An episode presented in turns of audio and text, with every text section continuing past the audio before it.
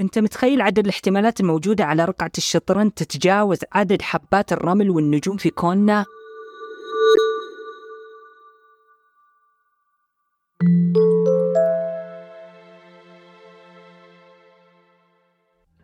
الشطرنج مرتبط بحياتنا كيف وليه نعيشها.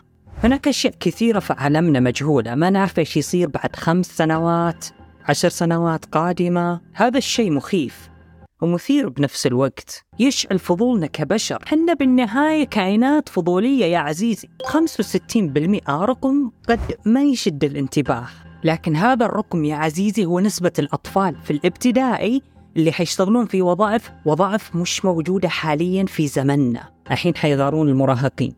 عزيزي المتابع المراهق حتى أنتم من عمر 16 إلى 19 سنة أغلبكم حيكون في وظائف مش موجودة حاليا وفيه ملايين الوظائف حتخلق خلال الخمس سنوات القادمة وملايين الوظائف حاليا شاغرة مو بسبب ما في عدد كافي بل ما في عدد كافي من الناس عندهم المهارات المناسبة لهذه الوظائف. وفيه ملايين الوظائف حتكون بلا قيمة بسبب التطور التكنولوجي أو الذكاء الاصطناعي. لذلك كيت ميرفي المديرة التنفيذية ل Play Magnus الشركة مهمتها بناء منتجات رقمية وشراكات وبرنامج رقمي تدريبي مع بطل العالم للشطرنج ماغنس كارلسون. اللي تم تصنيفه ضمن 100 أقوى مؤثرين بالعالم. اقترحت سد هذه الفجوة وتطوير المهارات المناسبة عن طريق لعب الشطرنج. قد تكون هناك صورة نمطية متكونة بأذهاننا من حنا صغار أن الشطرنج حق الشيبان خصوصا بالأفلام الأجنبية. ولو أنه قاعد هذا الشيء يتغير مثل ما نشوف بمسلسل The Queen's Gambit لكن الدراسات بينت أنه دماغ الشخص العادي مقارنة بدماغ سيد الشطرنج هم كذا يسموه chess grandmaster مختلف. ولابد ننوه هنا عن حاجة. الاختلاف ما جاء عشان الاثنين مولودين وكل واحد عنده دماغ مختلف. بل سيد الشطرنج مرن دماغه بينما الشخص العادي متكي بالأرجيلة مع دماغه.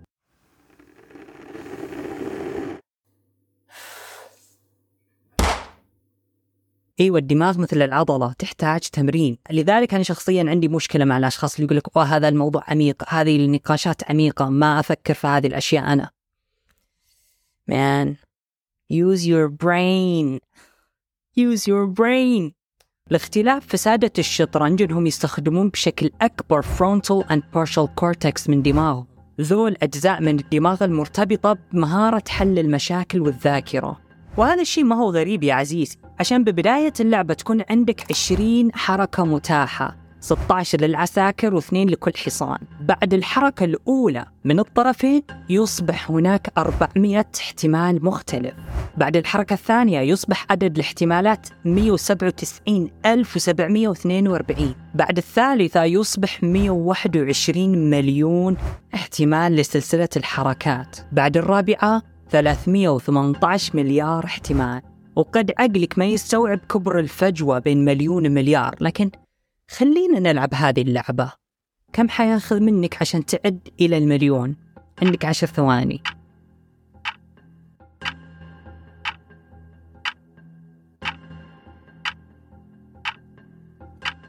عشر يوم حياخذ منك عشان تعد إلى مليون. عشان مليون ثانية هي 12 يوم. طيب كم حياخذ منك عشان تعد إلى المليار؟ عندك عشر ثواني.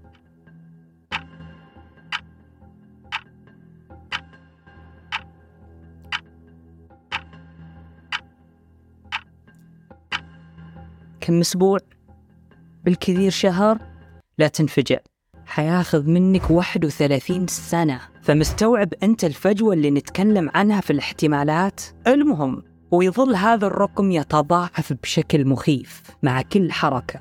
عدد الاحتمالات ضخم جدا 10 أس 123 ويسمى شانن نمبر قد ما يمديك تتخيل هذا الرقم. لكن إنه عدد الاحتمالات يتجاوز عدد بويصلات شعر الإنسان. عزيزي الاصلع أنت برضو محسوب علينا. ترى قلت بويصلات الشعر ما قلت عدد الشعر. بتقول لي أنا حقيقة منبهر وقف وقف وقف وقف عدد الاحتمالات يتجاوز حتى عدد الذرات الموجودة في الكون كله. أنت متخيل عدد الاحتمالات الموجودة على رقعة الشطرنج تتجاوز عدد حبات الرمل والنجوم في كوننا؟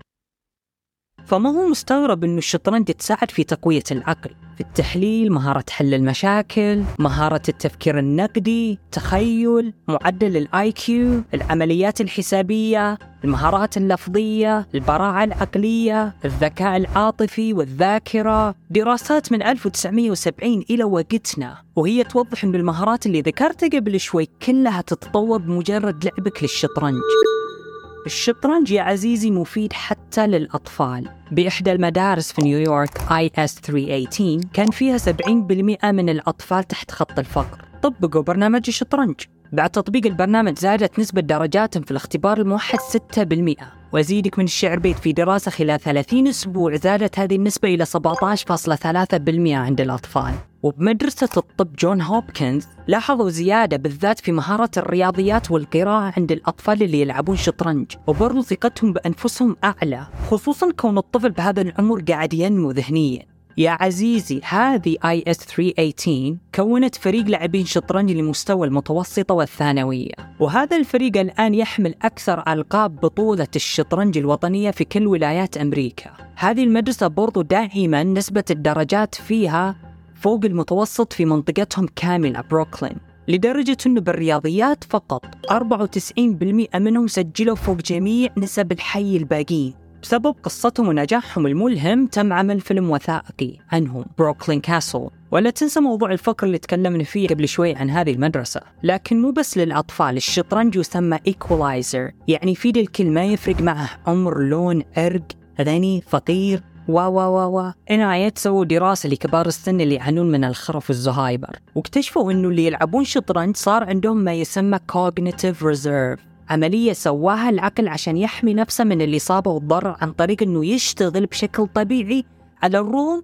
من الإصابة والضرر اللي فيه الشطرنج يساعد في بناء ال cognitive reserve هذا لعبة الشطرنج المحترفة فاينا تقول I like chess because it involves a planning. If you do not plan, you will end up with a bad life. فاينا تمثل دولة أوغندا الآن. الشطرنج رفع عنها الفقر قصتها مؤثرة جدا لدرجة أنه ديزني تبنت قصتها كفيلم. The Queen of Katwe أتمنى نطقتها صح. و already تم كتابة سيرة ذاتية عنها biography على طاري التخطيط إيش علاقة الشطرنج باستراتيجيات الحرب كمل وقت ثاني. bye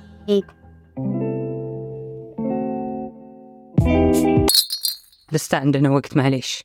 أحد أكبر المشاكل والنقد على تشبيه الشطرنج بالحرب ومحاولة الانحياز على فوائدها العقلية والتكتيكية في الحروب وكيف أنك تشوف 20 خطوة للأمام عن الخصم وتحاول تحط خطة هجومية ودفاعية لكل خطوة قد تسويها. قبل ما تسويها هي أنه الشطرنج تشوف كل شيء قدامك عند الخصم من القطع اللي عنده عكس الحرب اللي أشياء كثيرة غير واضحة عن الخصم. لذلك بعام 2014 باحثين في السويد وأستراليا. أيوه أنا عايش في أستراليا. هذا السؤال يتكرر كثير. يتكرر أكثر من سؤالهم عن العطور حقيني.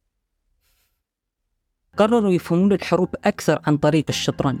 بس هذه المرة بتعديل طفيف عن اللعبة بوضع حاجز بينك وبين الخصم بحيث إنك ما تشوف تحركاته. واحيانا ما تشوف حركاته إلا بعد أربع إلى خمس حركات مثلا. واكتشفوا شيء عجيب. لاحظوا إنه اللي يفرق أكثر وقت الفوز عامل السرعة وليس القوة إنك تشن هجوم سريع ومباغت أفضل.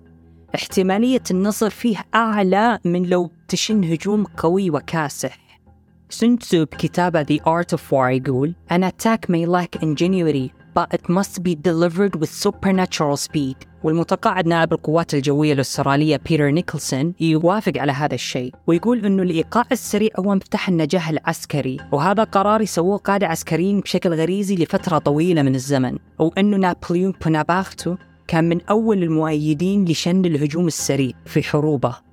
الله يسود وجهه. والمغول برضو من جهة أخرى قوتهم الصغيرة والسريعة سببت خلل توازن في قوات مسلحة ضخمة وكبيرة. أخذ مثال حرب فيتنام لما أمريكا انضربت على راسه.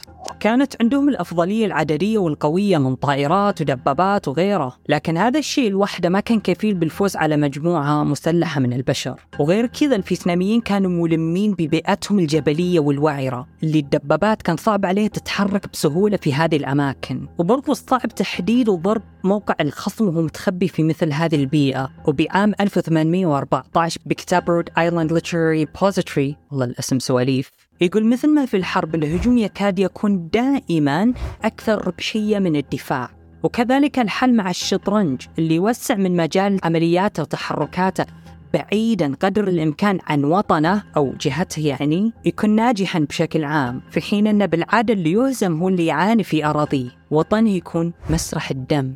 وعلى طاري مهارة لاعبين الشطرنج إنهم ينظرون كذا خطوة للمستقبل في طريقة أخرى يسووها عشان يحلون المشاكل تسمى retrograde analysis. وهي عشان تقدر تشوف إلى الأمام من المفيد أن تنظر إلى الوراء. وهي إنك تحلل خطواتك بالعكس يعني. والسبب هو أن عقل الإنسان فيه مشكلة نوعا ما. حنا مخلوقات منطقية جدا. خلينا نلعب لعبة.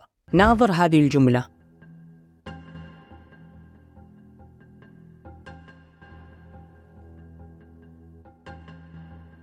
وغالبكم حيقراها مرة ثانية ويلاحظ إنه ما انتبه لـ إذا الثانية أول مرة. عقلنا منطقي جدا خلاص يمشي قدام في تفكيره إلا المتشمت عقله مغرس ما يمشي. ويتجاهل أي شيء قد يخرب التيار المنطقي حقه. لذلك تصير ما تلاحظ ذا الثانية أول مرة. لكن لو قرأت الجملة عكس على طول حتلاحظ إنه في ذا مرتين مكتوبة. وهذه العملية في التحليل وحل المشاكل مفيدة جدا في اكتشاف أخطائك الاملائيه والقواعدية لما تكتب مقال أو بحث.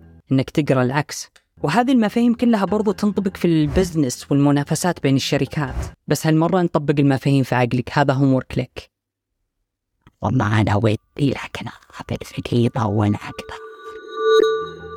على طاري انتقاد المقارنة والتشبيه بين الحرب والشطرنج بأن الشطرنج تقدر تشوف تحركات خصمك بوضوح بينما الحرب ما تقدر تشوف بهذا الوضوح. لذلك بعام 1907 في مجلة Lasker's Chess توضح أنه فعلا هذه المقارنة قديمة ومبتذلة. لكن مع تغير الظروف في العصر الحديث هنا قد تكون الأمور مختلفة نوعا ما. مثلا الغواصات والطائرات أصبحوا عاملين مهمين والتشابه بينهم بين القطع على رقعة الشطرنج واضح وأنه الحرب أصبحت مثل الشطرنج أكثر وأكثر. صراع عقل ضد آخر أكثر من كونها صراع جسدي تنتصر فيه القوة الغاشمة. وأنه إدخال الغواصات والطائرات والرادار والتكنولوجيا والأقمار الصناعية وكل هذه الأمور خلت التحركات واضحة أكثر لكلا الطرفين كأنها رقعة شطرنج. والله قاعد أسمع صوت معدتي وانه عنصر المفاجأة اللي كان بالحروب سابقا كل ما له يزول تدريجيا. هذه المرة ما حاكل شيء توني مفرش أسناني. المهم كتاب The Art of War أو فن الحرب. تخيل هذا الكتاب هو كتاب عسكري صيني قديم كتب حوالي 200 إلى 475 سنة قبل الميلاد من سون تسو جنرال عسكري رفيع المستوى واستراتيجي وفيلسوف طاوي. لا تسألني إيش معنى طاوي وتحجر لي علمي علمك. ومع ذلك هذا الكتاب لسه يدرس في جامعات ويتم الاستفادة منه مو بس في الحروب الحقيقية بل حتى الاقتصاد والمنافسة بين الشركات. عشان المنافسة هذه شبيهة نوعا ما مجازيا بالحروب الحقيقية. المهم تعلموا تعلموا شطرنج الله يصلحكم. وبس